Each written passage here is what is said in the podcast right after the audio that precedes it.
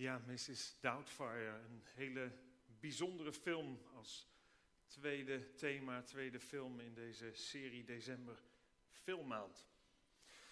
En in die film, uh, we hebben een, natuurlijk maar een, een kort gedeelte eruit gehaald, maar waren we, wel, we wel getuigen van het op de klippen lopen van een, van een huwelijk met alle gevolgen van dien. Natuurlijk voor het echtpaar zelf, maar ook voor de kinderen die tussen wal en schip kwamen, achterbleven bij de moeder. Een omgangsregeling die werd getroffen met de vader. En een vader, Daniel, die, ja, die daar niet mee leven kon. Die zijn kinderen veel vaker wilde zien. En daarom ook, ja, als het ware, die, die list bedacht. Toen hij erachter kwam dat zijn vrouw Miranda op zoek was naar een nanny, naar een verzorgster, naar kinderopvang, zeg maar, aan huis. Toen... Ehm, toen ging hij zich verkleden en deed zich voor als een vrouw. En de kinderen, ja, daar ging het eigenlijk heel goed mee. Die kwamen heel erg tot bloei. En Miranda kon doorgaan met haar carrière. Je zou kunnen zeggen, iedereen blij tot de verkleedpartij natuurlijk werd ontdekt. En ja, toen was het hommeles. En toen waren er weer problemen. En toch na een korte periode, en dat zat niet helemaal in dit, in dit uh, filmverslag, maar na een korte periode is het verlangen toch van de kinderen naar hun vader zo groot dat er een nieuwe omgangsregeling komt en dat ze uh, hun vader ook vaker kunnen zien. En daar stopt eigenlijk het verhaal. We hebben het laatste stukje gezien waar hij op een gegeven moment een rol krijgt als Mrs. Doubtfire uh, voor de televisie. En daar houdt het verhaal dan op. En eigenlijk is het niet helemaal dat happy end wat je graag zou willen. Je zou graag willen dat het allemaal weer goed kwam en met bij elkaar kwam. Eigenlijk mis je het tweede deel of deel 2 van deze film. Maar goed, hier houdt het op. Een film met heel veel komische momenten. Daar hebben we er een aantal van gezien, maar daar zitten er nog veel meer in. Maar ook een film met heel veel ontroerende momenten. Een film met heel veel verdrietige momenten waar je aanvoelt wat er hier aan de hand is en wat er gebeurt. Want echtscheiding, hetgene wat hier gebeurt, is niet niks. En niemand wil eigenlijk aan een relatie beginnen als je er een beetje serieus mee omgaat. Om na een verloop van tijd eigenlijk op deze manier uit elkaar te gaan. Je wil graag dat het goed gaat en dat het functioneert. Dat je gelukkig wordt samen en wanneer je kinderen mag krijgen, dat ook die kinderen mogen delen in dat geluk.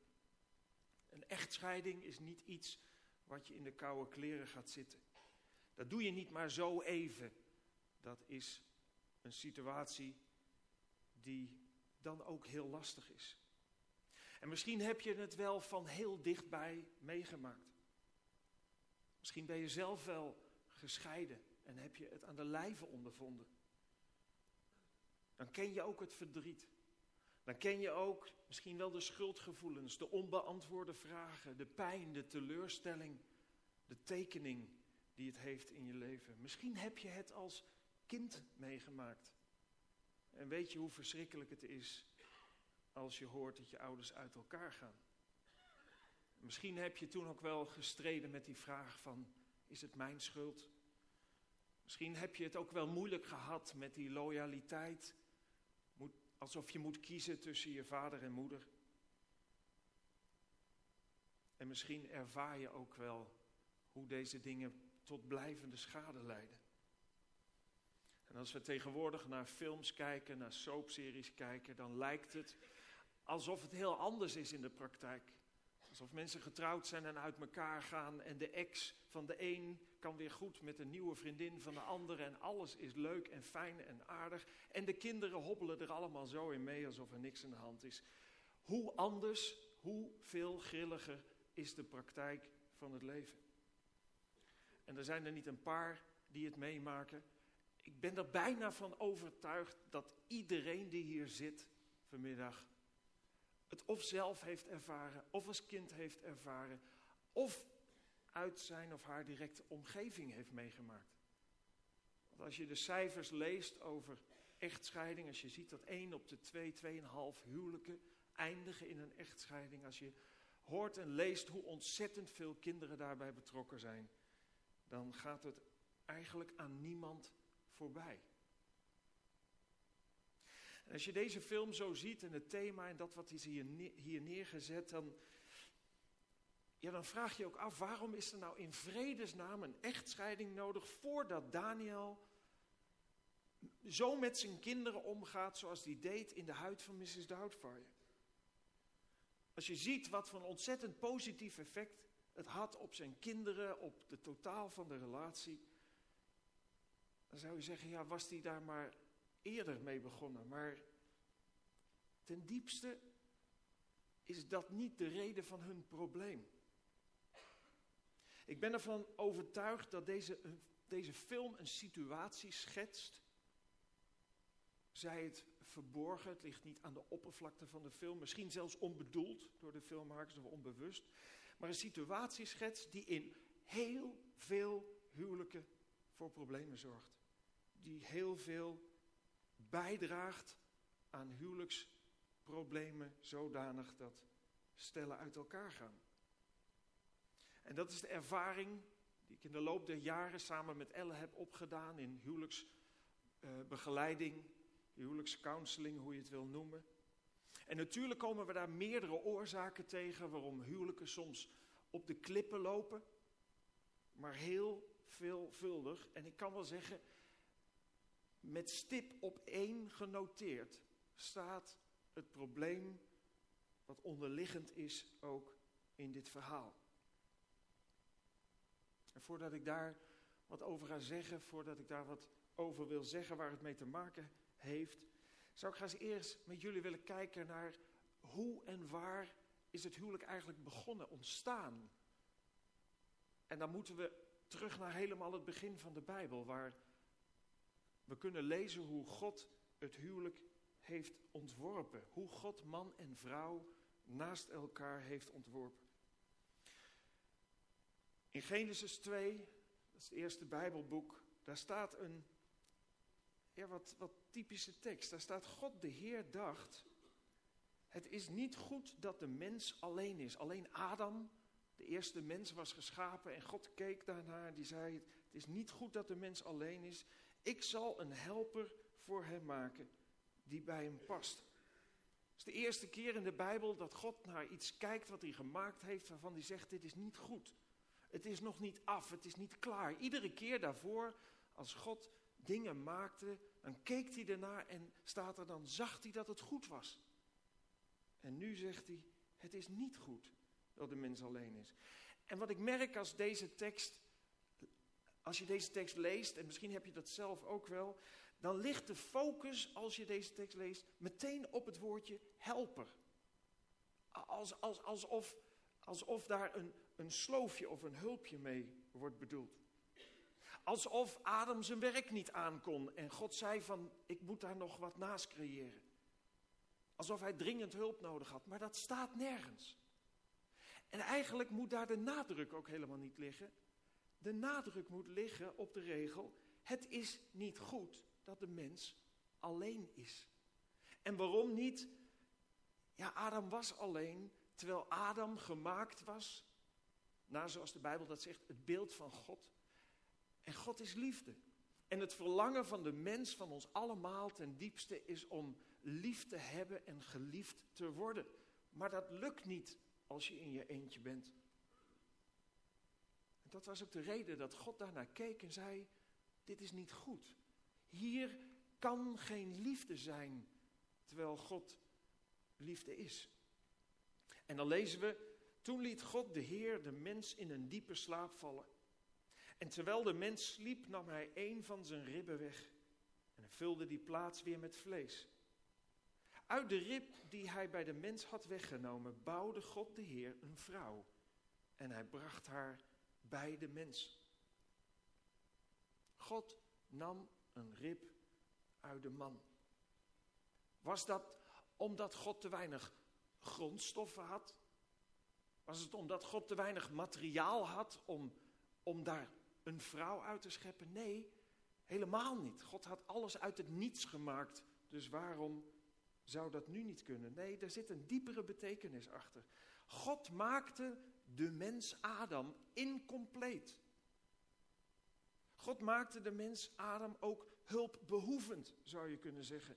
God creëerde op deze manier wederzijdse afhankelijkheid tussen de man en de vrouw en maakte twee complementaire, elkaar aanvullende wezens. En was Adam zagrijnig na die tijd? Zo van, dan heb ik een rib minder. Nee, hij was blij, want nu was er liefde mogelijk. En we lezen ook, toen riep de mens uit, eindelijk één gelijk aan mij. Mijn eigen gebeente, mijn eigen vlees. Eén die zal heten vrouw, één uit de man gebouwd. Nogmaals, God maakte man en vrouw complementair, aanvullend. Als een puzzel die uit twee stukjes bestaat en in elkaar passen. Twee stukjes die verschillend zijn en waarbij de verschillen een functie hebben. Want zouden ze niet verschillend maar gelijk zijn, zouden ze niet alleen niet passen, maar zouden ze concurrerend zijn in plaats van aanvullend, in plaats van dat het naar elkaar toe trekt. En die verschillen heeft God daar natuurlijk niet bij toeval in gebracht. Dat is Gods scheppingsorde. Dat heeft God in zijn wijsheid gedaan. En gedaan, ontworpen om liefde maximaal tot zijn recht te laten komen. Ik zei in het begin dat deze film iets, iets herbergt, een diepere laag. In deze film wordt een situatie geschetst, een probleem eigenlijk geschetst, zonder het naar buiten toe te laten komen, die het minst herkend is als probleem in een huwelijk, het minst herkend wordt als probleem in een huwelijk, en ook het minst erkend wordt als probleem. Het minst erkend omdat het probleem te maken heeft juist met het verschil tussen man en vrouw. Te maken heeft met de rol van man en vrouw naast elkaar in het huwelijk. En de maatschappij waarin wij leven, daar zijn dat woorden die niet meer gebruikt kunnen en mogen worden. De rol van man en vrouw. Waar ben jij de laatste honderd jaar geweest? Heb je een stukje gemist of zo? Dat is niet meer van deze tijd. Deze maatschappij predikt man en vrouw zijn gelijk. En taken, verantwoordelijkheden in het huwelijk zijn volledig uitwisselbaar. Maar dat is niet waar. Dat is niet waar. Man en vrouw zijn niet gelijk. Dat we lichamelijk niet gelijk zijn, ja, ik denk dat dat niet zo ingewikkeld is. Dat begrijpen we wel. Over het algemeen zijn mannen wat langer dan vrouwen. Ik zeg over het algemeen natuurlijk niet altijd. Hebben mannen meer bloed, meer spiermassa, minder vetweefsel, andere geslachtsorganen.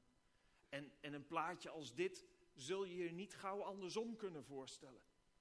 Dat zijn verschillen, dat weten we gewoon. Dat zijn fysieke verschillen. Ellen heeft mij nog nooit s'nachts aangestoten als de baby huilde en zei: Peet, geef jij even de borst. Ik heb die dingen niet, dus dat lukt ook niet. Het probleem zit ook niet in het fysieke, want daar kunnen we niet omheen. Nee, het probleem en datgene wat we weg willen poetsen, waar we eigenlijk niet mee te maken willen hebben, wat maatschappelijk niet meer aanvaard is, dat zijn verschillen die veel verder gaan.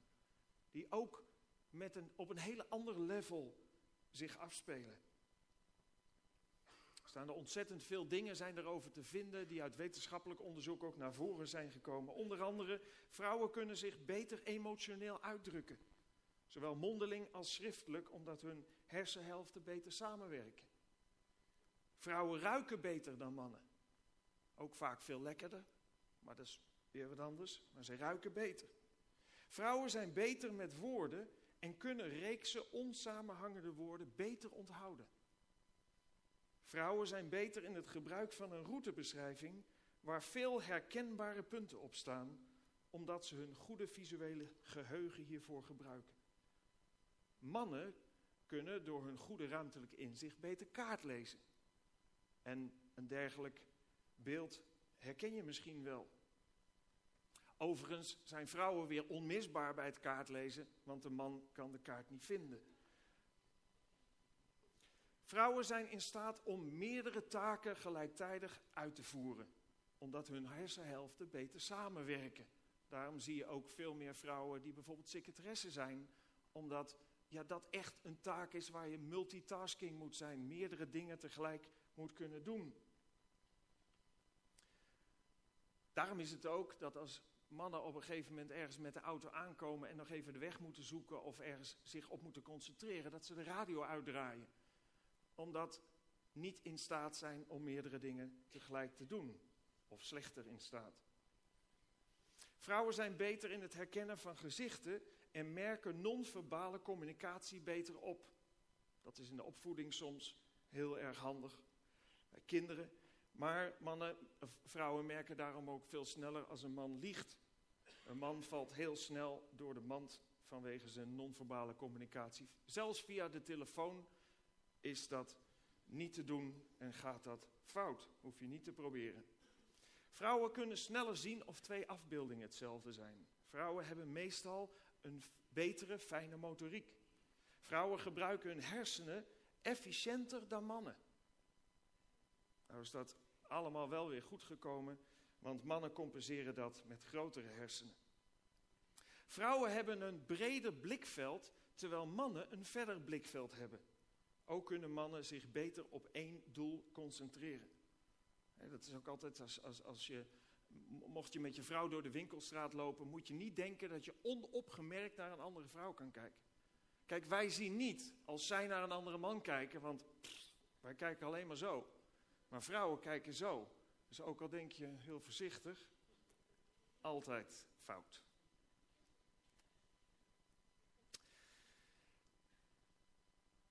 Vrouwen kunnen beter onsamenhangende informatie opslaan, terwijl mannen beter zijn in het opslaan van geordende informatie.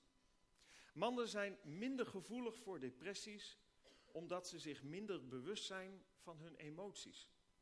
Ja, dat vinden vrouwen heel jammer, dat mannen niet wat emotioneler zijn. Die zouden ook liever een man willen hebben die wat emotioneler ontwikkeld is.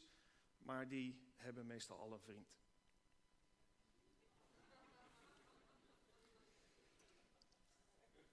Mannen hebben een beter ruimtelijk inzicht en kunnen objecten beter visualiseren. Dat zie je onder andere met het fileparkeren. Mannen kunnen beter complexe technische problemen oplossen. Mannen zijn bij problemen meer op actie gericht, terwijl vrouwen meer op communicatie gericht zijn. Dat is iets wat je in huwelijken ook heel vaak wel tegenkomt. Dat de vrouw graag wil praten over een probleem, niet meteen op zoek naar de oplossing wil gaan en de mannen vergeten te luisteren en al lang weer naar de oplossing toe zijn. Mannen hebben meer verbindingen tussen de hersencellen dan vrouwen waardoor de informatieoverdracht tussen de cellen sneller verloopt, waardoor ze beter complexere problemen kunnen oplossen. Nou, dit is maar een greep uit een hele lange lijst van verschillen die er zijn. Waarbij niet de een beter is dan de ander, maar verschillend. En als je die verschillen zou willen samenvatten, dan zou je kunnen zeggen, en dat is heel grof, maar dat een man fysiek eigenlijk een, een grover instrument is en geestelijk in ieder geval veel sterker rationeel ontwikkeld. En dat maakt mannen ook uitermate geschikt om te leiden, om beschermen, om te onderhouden van vrouw en kinderen. Dat klinkt als iets van 300 jaar geleden, maar dat is iets wat eigenlijk als het ware ingebakken is en dat is ook precies wat de Bijbel aanreikt als verantwoordelijkheid en als verantwoordelijkheid bij de man neerlegt. Een vrouw die fysiek eigenlijk een veel fijner instrument is, geestelijk veel sterker emotioneel ontwikkeld. Ik zeg ook altijd, vrouwen hebben een heel antennepark waarin ze dingen ontvangen die aan mannen voorbij gaan.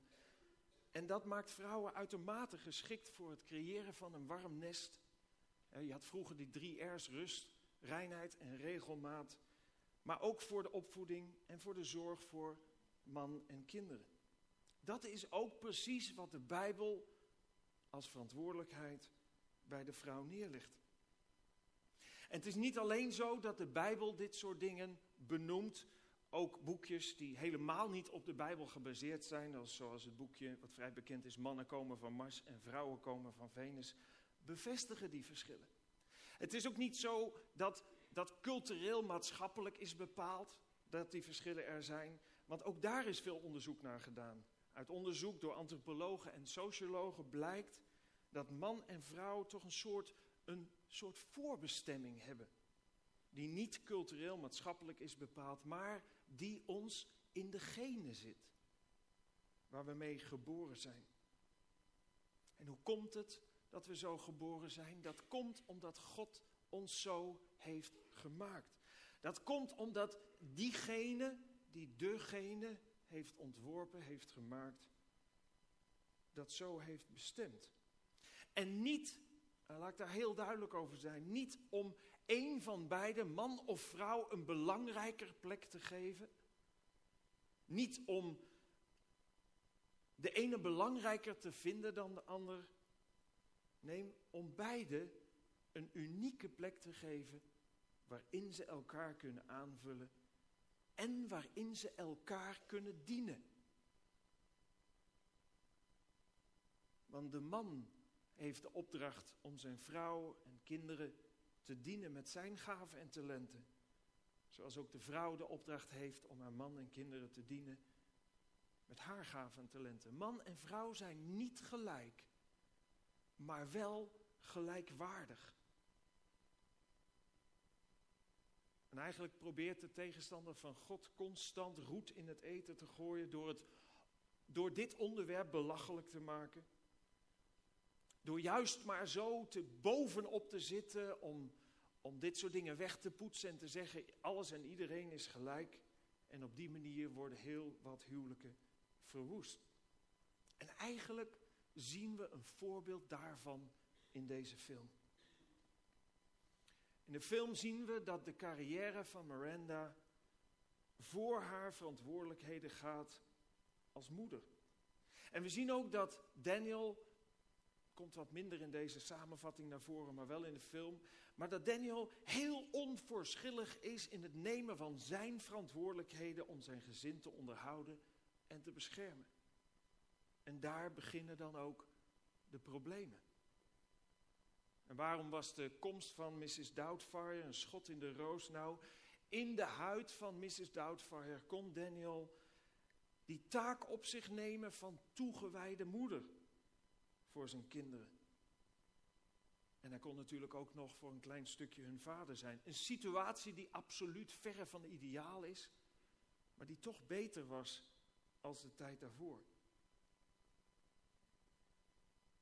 Wat wij in heel veel huwelijken zien gebeuren. Heel veel huwelijken waar de dingen niet goed lopen. Is dat die rollen worden omgedraaid.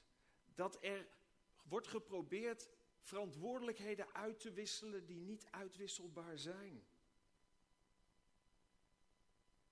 En wat gebeurt er als we die verantwoordelijkheden omdraaien, overdragen, van elkaar overnemen? Vroeg of laat botst het met onze genen. Het is een kwestie van tijd. En wat ik zei, het wordt heel vaak niet herkend. Want de problemen die eruit voortkomen zijn secundair. Die zijn niet daaraan gelinkt. Er staat nergens een bordje boven dat jouw problemen in het huwelijk te maken hebben met die rolomkering. Er staat nergens dat dat de kinderen niet lekker functioneren of niet lekker in hun vel zitten, omdat je als ouders met een aantal dingen niet goed omspringt. Nee, de problemen dienen zich gewoon aan en ze worden niet herkend. En huwelijken gaan erdoor kapot. Want vroeg of laat voelt de man zich gecastreerd, voelt zich een mietje, voelt zich geen kerel. Voelt zich niet diegene die zijn gezin kan onderhouden en beschermen. En een vrouw voelt zich niet beschermd en onderhouden.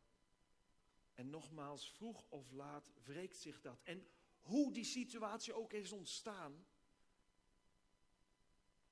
Of het de man is die zijn verantwoordelijkheden laat liggen, waardoor de vrouw daar moet inspringen. Of dat het is dat de vrouw die rol niet wil accepteren en de man zich daarin moet schikken. Wat ook de reden is, vroeg of laat voelt het bewust of onbewust negeren van Gods scheppingsorde als onbevredigend. En wat we dan ook merken in, het, in de huwelijksbegeleiding, in de huwelijkscounseling, dat wanneer we dat proberen uit te leggen en ook aan de hand van hoe God man en vrouw heeft gemaakt, hoe God het heeft bedoeld en, en stellen daarmee aan de slag gaan, dan zie je de enorme veranderingen in hoe ze met elkaar omgaan, in wat er thuis gebeurt, in de rust die terugkeert in de relatie, in het gezin, omdat dingen op zijn plek vallen. En iedere keer opnieuw verbaas ik me er weer over. Dat wanneer mensen die stap durven en willen zetten in hun huwelijk, om hun huwelijk in te richten zoals God de mens, de vrouw en de man heeft gemaakt, iedere keer verbaas ik me over de wonderen die er dan gebeuren. Een poosje geleden had ik een interview met Linette, die hier in de basis komt. Ze had zich laten dopen. En een paar maanden geleden maar het schoot me te binnen toen ik met de voorbereiding bezig was, dat zij hier wat over zei. We gingen, keken een beetje naar hoe haar leven was verlopen. En juist over dit onderwerp zei zij het een en ander. gaan we even naar kijken. Je zei van, je hebt uh, twintig jaar werk gedaan, wat je eigenlijk niet, niet wilde doen. Um, is er op dat terrein, zijn er op dat terrein ook dingen veranderd in je leven? Ja hoor. Ik ben voor het eerst, nou eigenlijk vijf maanden geleden kwam het op het punt dat ik dacht van, nee, ik, ik, ik stond de ochtend op, ik zei tegen jou, nou vandaag zeg ik mijn baan op, ik kan dit niet langer. En gelukkig zei jou, en weet je wat, had je lang moeten doen meid, doe het gewoon. Hm. En ik uh, heeft het ook die dag gedaan. En ik vond dit verschrikkelijk, want opeens heb je geen controle meer. Waar gaat die geld vandaan komen? Hoe gaan wij het overleven? Hoe, hoe gaan we dit doen? Het was een sprong in de diepe. Het was een sprong in de diepe. En ik had, ik had de twee maanden opzegtermijn. En ik had eigenlijk nog iedere dag daarna dacht van, ik ga mijn baan terugvragen. Ik ga mijn baan terugvragen. Ik. Ja. Maar op een of andere reden heb ik dat nooit gedaan. Nee. En het is zo ongelooflijk. Vandaag heeft Johan zo'n goede baan. Wij, wij hebben gewoon niks meer nodig dan wat we hebben. En we hebben rust thuis. En voor het eerste keer zie ik dat wat de verkeerde rol ik heb gespeeld mijn leven lang. En, en, en nu, dat is nu gewoon goed. Ja. Ik heb daar echt zoveel rust bij. Dat waar ik ben en wat ik vandaag doe en waar ik me bezighoud, is ook precies waar ik me bezig moet houden. Ja, je ervaart het als een zegen eigenlijk, zoals, het, zoals het gaat. En, en ligt het voor jou wat je nu doet, hè, de, de verantwoordelijkheid die je neemt om, om thuis te zijn, om voor, mhm. voor jullie kind te zorgen, om ja, ook een warme plek te creëren. Ja. ervaar je dat als iets wat, ehm, ja, wat, wat dichter ligt misschien bij dat wat ook God vanuit zijn liefde aanreikt? Ik denk het.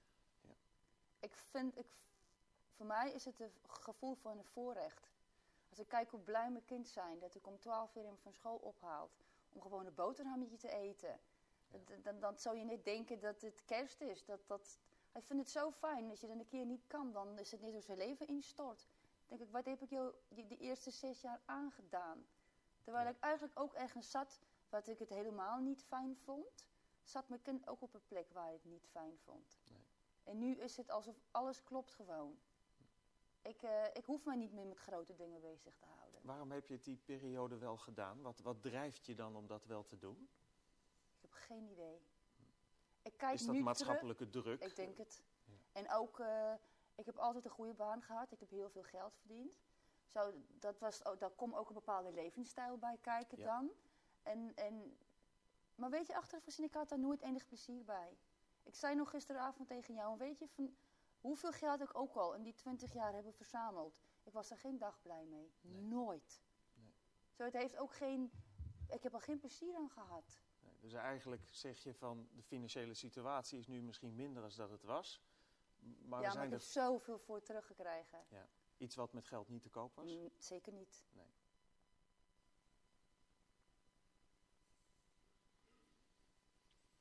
Ja, daarin zie je ook wel, want die vraag stelde ik haar natuurlijk ook. Hoe denk je dat dat ontstaan is? Ondanks het feit dat je je daar zo ongelukkig in hebt gevoeld, al die tijd, waarom heb je het toch gedaan?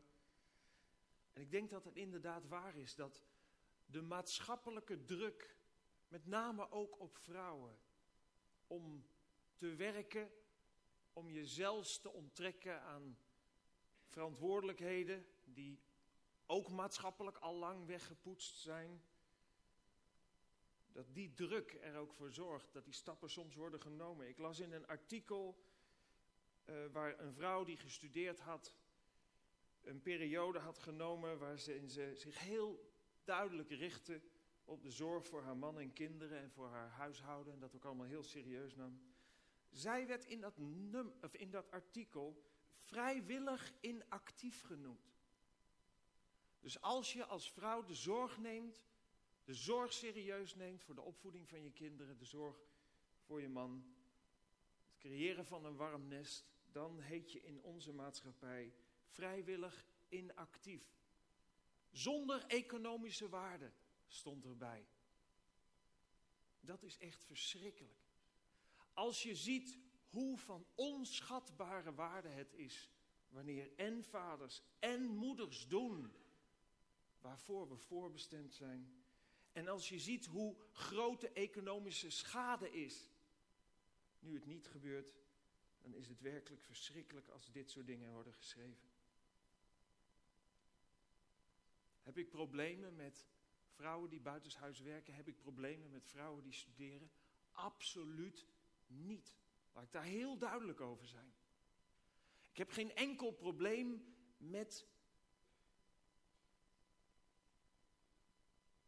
met een stukje carrière voor een vrouw. Of met activiteiten die een man ontwikkelt, juist op het gebied van zorg en dingen in huis, wat het dan ook is. Waar ik problemen mee heb, wat ik moeilijk vind, waarvan ik de gevolgen zie iedere keer opnieuw weer, is dat we proberen die onoverdraagbare verantwoordelijkheden vanuit onze voorbestemming Wanneer we ons daaraan onttrekken, misschien wel door de maatschappelijke druk, maar misschien ook wel vanuit egoïsme, vanuit geldingsdrang, wat het dan ook is. Ik vind het juist ontzettend mooi wanneer je ziet dat buiten je eigen, wanneer, dat, wanneer ik zie dat er buiten de eigen verantwoordelijkheden dingen worden gedaan. Wanneer een vrouw werkt omdat ze gestudeerd heeft, omdat ze het gaaf vindt om te doen, omdat ze haar gave en talenten op die manier wil gebruiken. Wanneer ze misschien het wel doet om haar man te ondersteunen in zijn verantwoordelijkheid om zijn gezin te onderhouden en te beschermen. Wanneer ze doet voor het zijn in de sociale omgeving. Prachtig. Maar wat wel moeilijk is, is als je in die situatie bent terechtgekomen en er niet meer uit kunt. En ook dat is een maatschappelijke druk. We moeten tegenwoordig steeds mooier en steeds groter wonen. En er worden tegenwoordig bijna geen hypotheken meer afgesloten op één inkomen. En dat betekent dat als je in die situatie zit, dat je ook niet kunt zeggen: Hallo, ik stop even met werken, want ik merk dat de kinderen meer aandacht nodig hebben. Of dat ik daar meer tijd aan wil besteden, of wat dan ook. Nee, we zijn aan handen en voeten gebonden en we gaan maar door in de sleur. En ja, Linette gaf aan hoe ze tot dat punt kwam en de knopen ook doorhakte. En hoe ze ervaren heeft dat God ook voorzien heeft in dat wat ze nodig hadden. Het einde van de film, waarop hij uiteindelijk de nanny mag zijn. Ja, dan is het ook triest, want eigenlijk verandert er niks aan de situatie. Zij blijft doorbouwen naar carrière. En hij mag een paar uurtjes per dag met de kinderen optrekken. Ik vind ook een slap einde, een inhoudsloos einde, waarbij ja, de filmmakers doen voorkomen alsof het niks uitmaakt of je bij je moeder woont of bij je vader woont of wat voor een situatie er ook is. Als er maar liefde is en dat met een lekker muziekje eronder klinkt leuk. Maar het is niet zoals het moet zijn. Natuurlijk maakt het wel uit waar je woont en hoe de situatie in elkaar zit. Een kind hoort in de veilige en liefdevolle omgeving van een vader en een moeder als het maar even kan. Die beide de door hun, de aan hun door God gegeven verantwoordelijkheden serieus nemen. En ja, wanneer je ervoor kiest om te zoeken naar Gods kaders in je leven, ook in je huwelijk en ook in de omgang met kinderen, zul je ervaren dat het je precies datgene geeft waar je in je leven zo naar op zoek bent. Die rust, die geborgenheid, die liefde, die vrede, in plaats van alles wat maar jakkert en jaagt en waar geen rustmoment in te vinden is. En ik hoop dat je, dat je eerlijk naar jezelf wilt kijken. Misschien ben je getrouwd. Misschien hebben jullie kinderen. Wil je eerlijk kijken naar jouw situatie en wat er gebeurt in jullie huwelijk, in jullie gezin? Misschien sta je nog helemaal voor die periode. Goed om erover na te denken. Goed om erover te praten als je een relatie krijgt. Misschien is het ook wel te laat. Misschien herken je dingen die fout zijn gegaan. Dan mag je weten dat God je ook vergeven wil en troosten wil. Als een onomkeerbaar proces al achter de rug is. Zou je willen vragen, wil je God de kans geven om je te laten zien zoals Hij je bedoeld heeft? Zullen we bidden? Dank u wel, Heere God, dat u, dat u van ons houdt. Dank u wel, Heer, dat u ja, nog steeds, ook in 2008, uw hand naar ons uitstrekt om, om ons uw liefde te laten ervaren. Dank u wel, Heer, dat, dat u ons gemaakt heeft op een heel bijzondere manier. Niet om elkaars concurrenten te zijn, niet om elkaar de pas af te snijden. Ook niet de een minder waardig ten opzichte van de ander. Maar man en vrouw, allebei uniek, elkaar aanvullend. Ja, God, zodat liefde ten volle tot ontplooiing kan komen. Liefde, rust, geborgenheid, vrede. Ja, God, dat is wat u ons geven wil. En, en wilt u ons helpen, Heer, als we ook die druk ervaren, die maatschappelijke of financiële druk. Wilt u helpen, Heer, om daar een weg uit te vinden. Zodat we echt gelukkig mogen worden. Heer, wilt u ons helpen om uw weg te vinden die goed is. Uw weg, omdat u het beste met ons voor heeft. Omdat u zoveel van ons houdt. Heer, ik wil u zo vragen, wilt u ons hart aanraken? Als we hier zitten, ook als we thuis misschien dit terugluisteren via internet. Heer, u kent ons hart, u kent ons leven. En u bent het Heer die ons wil aanraken ons op een weg wil zetten die leidt naar liefde toe, naar geborgenheid toe, naar u toe. Dank u wel, Heer. Amen.